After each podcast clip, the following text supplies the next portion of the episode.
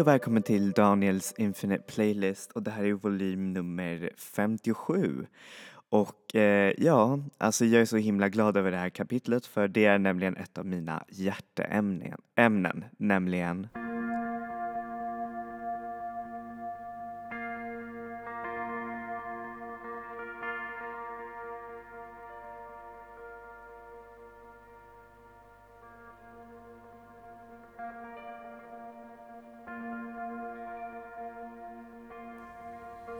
floating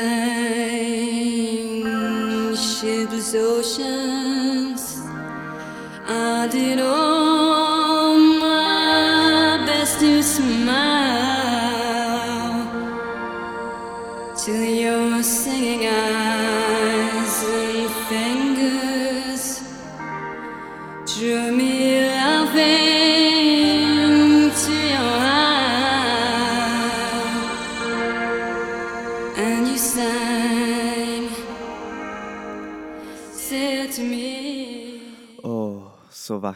Ja, det är, om ni inte känner till den här låten så, äh, ni, så må ni kanske ha hört den på någon film.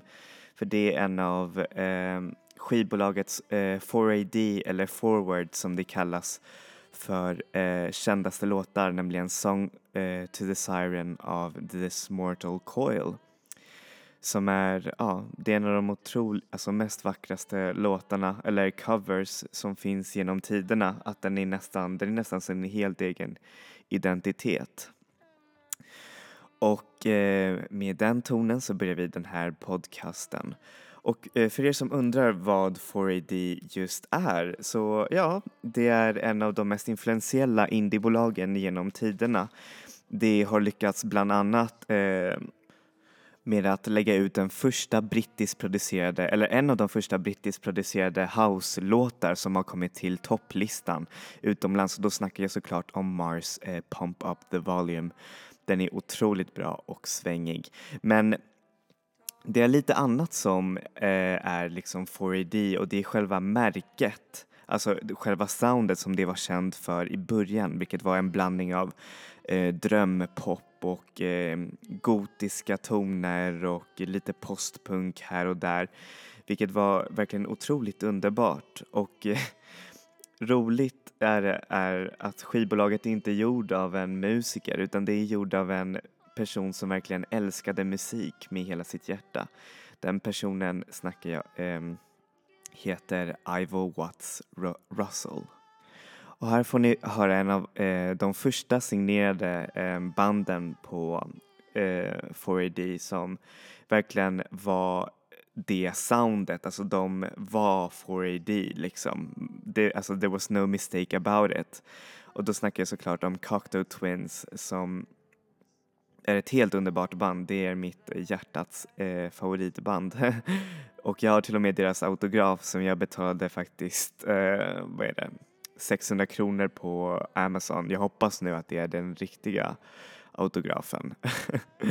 Men hur som helst, där får ni låta en Cherry Colored Funk av Cocteau Twins.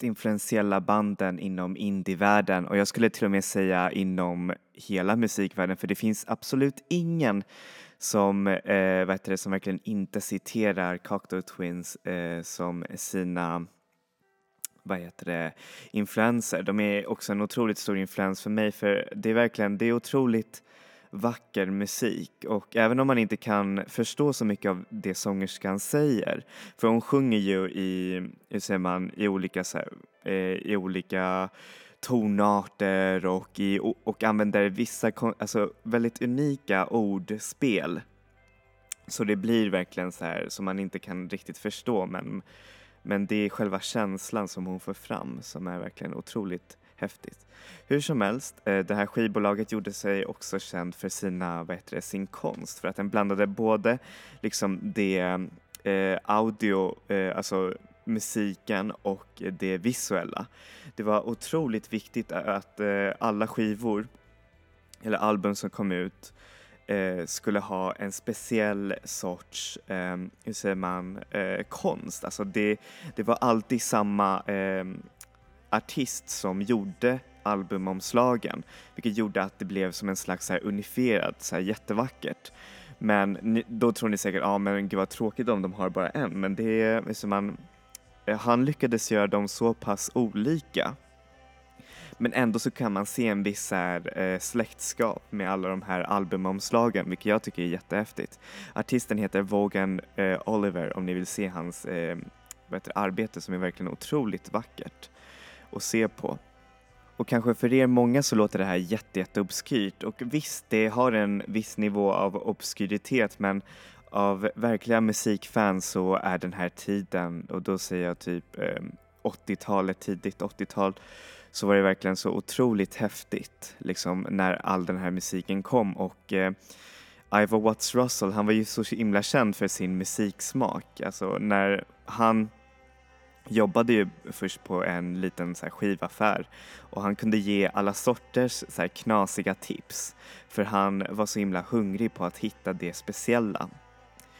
Och bland det speciella så finns det ett band och det är faktiskt 4ADs eh, mest, eh, hur säger man, alltså kommersiellt eh, vad heter det, framgångsrika band. Eh, jag vet inte om det har ändrats nu av andra artister som Purity Ring och Grimes men det det sägs fortfarande att det är det och då snackar jag såklart om Dead Can Dance som konstigt nog så är det lite så här, det är lite så här världsmusik, det är mycket så här arabiska trummor, otroligt mycket, hur säger man, medeltida influenser som är verkligen så himla vackert. Och det är, hur säger man, bägge, eh, alltså duon så sjunger bägge liksom i, i bandet. Och det är så häftigt liksom för så, när sångerskan sjunger då låter det verkligen som att det kommer in i själen och han, eh, vet du, han som sjunger också, han har verkligen så himla fin och mörk röst, älskar det. Så här får ni Children of the Sun av Dead Can Dance.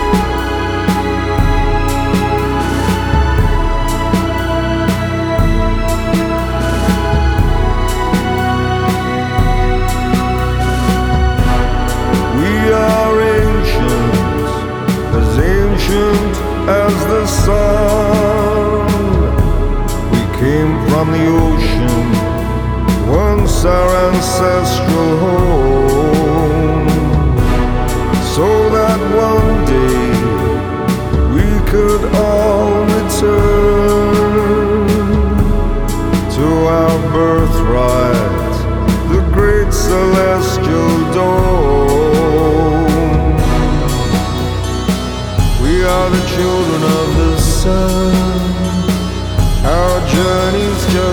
go.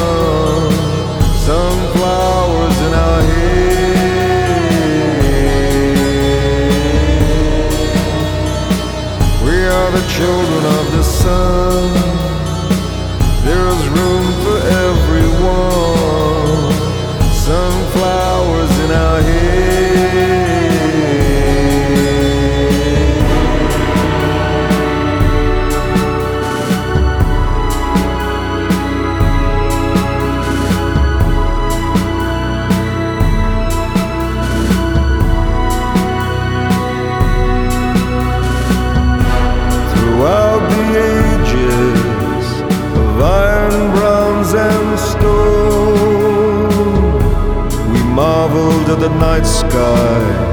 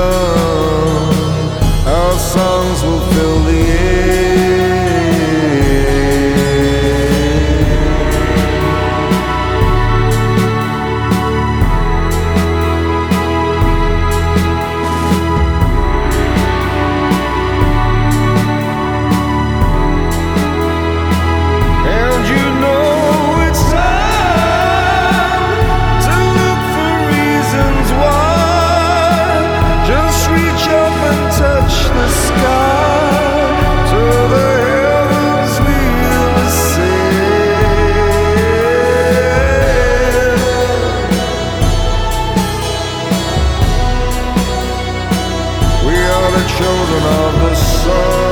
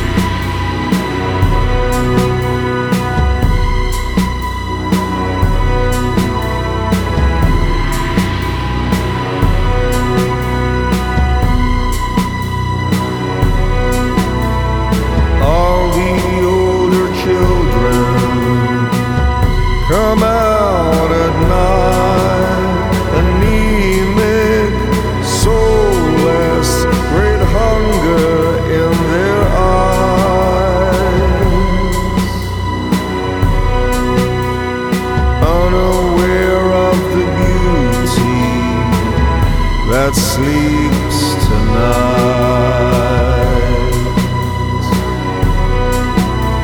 And all the Queen's horses.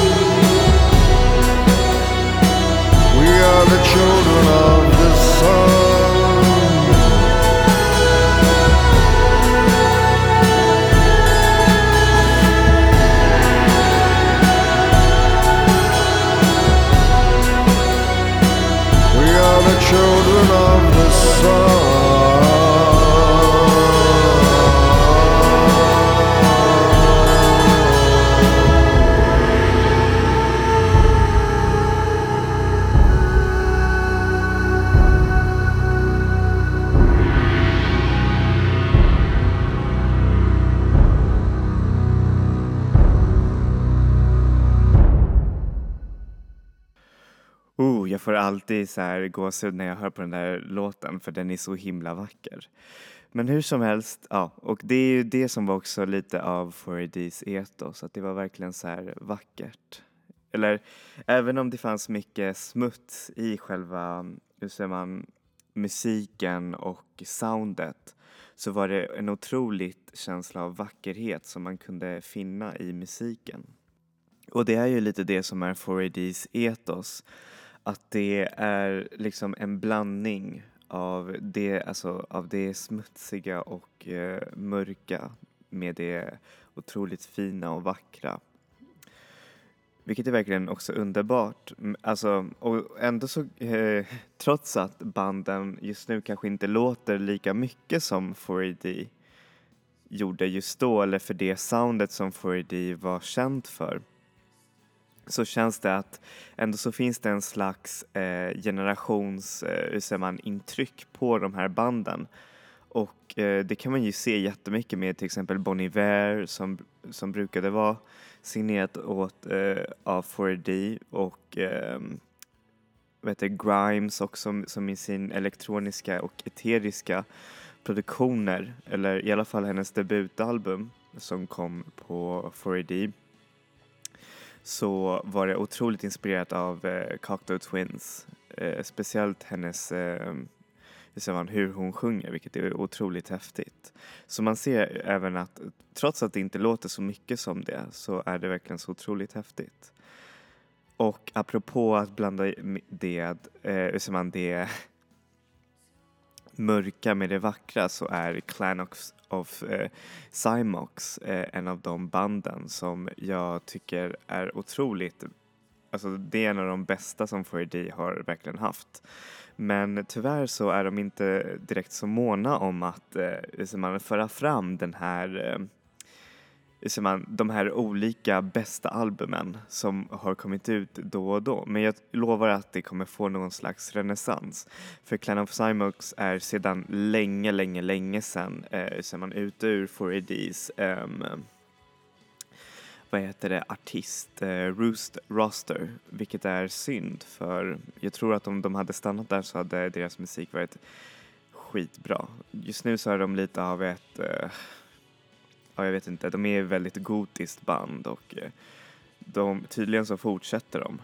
Men det är deras två första album som är verkligen mm, otroligt bra. Det är en otroligt fin blandning av cold wave och eh, syntmusik i, i dess bästa liksom och gotiskt. Jag, jag älskar sån musik verkligen och deras album Medusa betyder väldigt mycket för mig. För, ja, alltså rent produktionsmässigt, jag älskar det.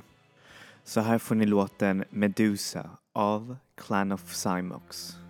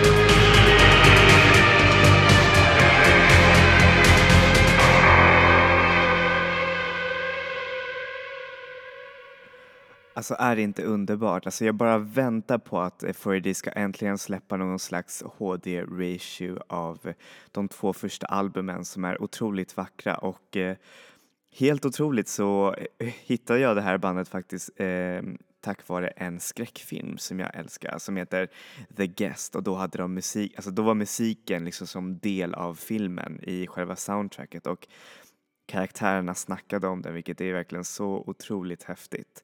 Jag rekommenderar både filmen och musiken starkt.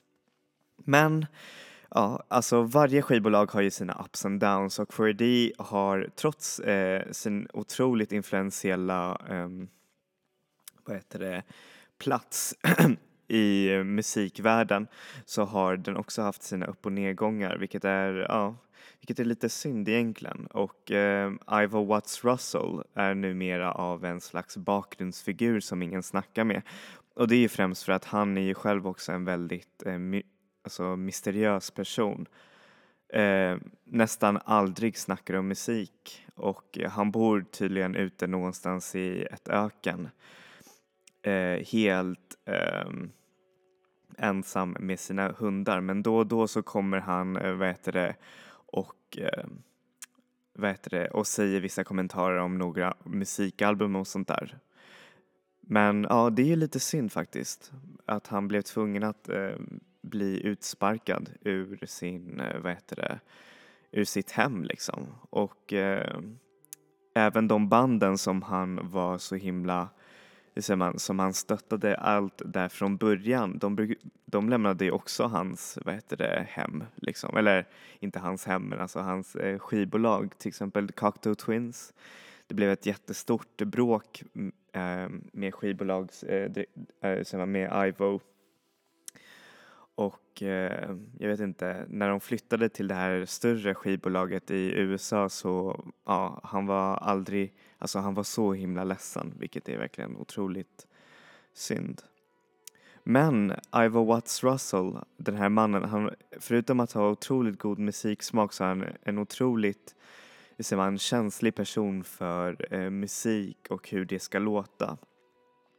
Han var ju medlem, eller, eller eller jo, han var väl medlem, men det var ju han som styrde i all, eh, hur säger man, det här bandet som kallades för This Mortal Coil, som är lite som en slags kristallisering av 4D-soundet, vilket är en av de bästa, alltså jag skulle säga det är en av de vackraste, hur säger man, supergrupperna som finns. För det är verkligen musiken, där är verkligen så otroligt så här, man kan nästan inte förstå att en människa är bakom detta.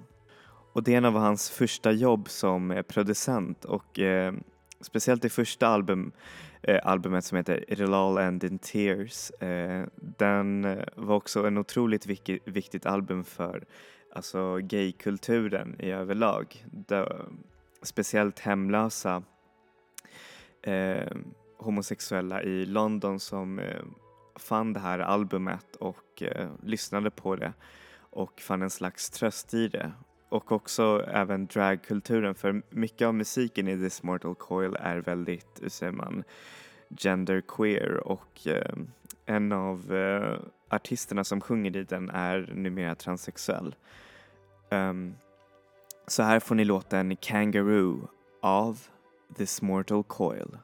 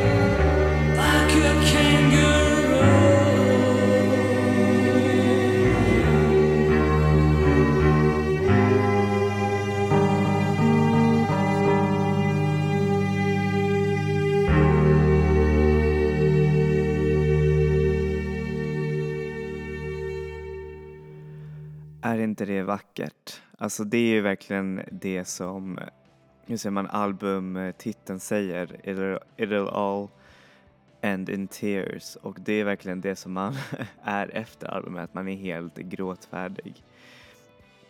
Vilket jag, eller hur säger man, inte så att jag älskar att gråta men just eh, musik som verkligen frammanar den här känslan är verkligen helt underbart. Och ehm, 4D, trots eh, dess nedgångar så har den också haft lite av en slags uppvaknande. Speciellt inom eh, 90-talet och ehm, vad heter det, under 00-talet också då de började igen få en viss eh, slags influens över, vad heter det, hur säger man, över musikvärlden. Men nu är den kanske lite mer liksom, minimerad. Det är ju mest bara varumärket av att vara signerad hos eh, 4D som är ganska viktigt och dessvärre så är inte 4D dess eget eh, entitet längre. Eller jo, visst, de har ju sina egna skivbolagsdirektörer och sina egna artister som släpper musik under det där albumet men de är del av en stor, större koncern som heter Beggars Banquet som eh, har bland annat en an, andra skivbolag som Rough Trade, eh, Secretly Canadian och en massa andra stora indiebolag vilket jag tycker är, ja, det är kanske lite tråkigt för, hur säger man, det eh, hur säger man, det, det, gör ingen, alltså, det gör ingenting som är, eh, vad heter det, alltså det blir inte unikt längre med de här skivbolagen. Och ni förstår vad jag menar, det blir lite konstigt liksom så här, samma människor arbetar på samma och sen så blir det, ja, jag vet inte, jag, jag tycker inte om det i alla fall. Och det var 90-talet som eh, vet du, markerade den här starka ändringen för 4AD. Eller egentligen så skulle man kunna säga typ 1987 när de signerade Mars med sin stora house-hit Pump Up The Volume.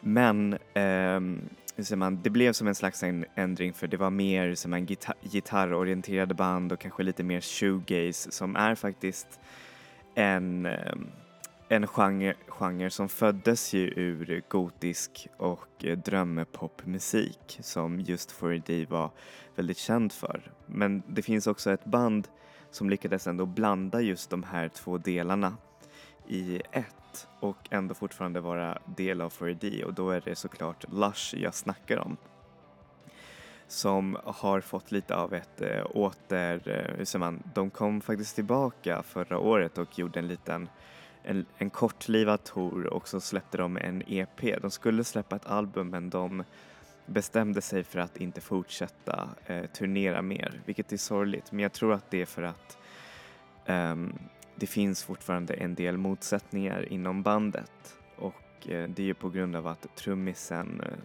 tog självmord, vilket är verkligen otroligt, roligt hemskt. Men hur som helst, så här får ni låten Sweetness and Life No, Sweetness and Light från Lush.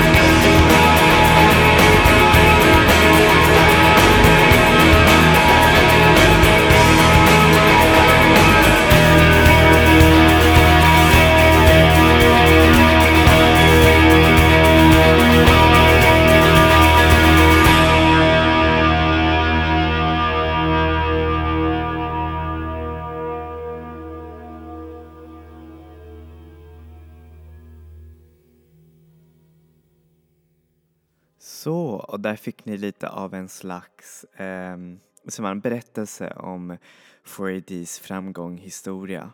Och förhoppningsvis så fortsätter den än idag och eh, ja, jag kan som, som sagt knappt ens vänta på alla de spännande artisterna som kommer till 4AD. Hur som helst så vill jag tacka så hemskt mycket för idag och jag hoppas att ni fick verkligen en liten inblick i den här eh, väldigt gamla men ändå otroligt influentiella musiken från eh, 4AD. Så ses vi nästa vecka och eh, stor kram och eh, enjoy music, enjoy life people. Vi ses!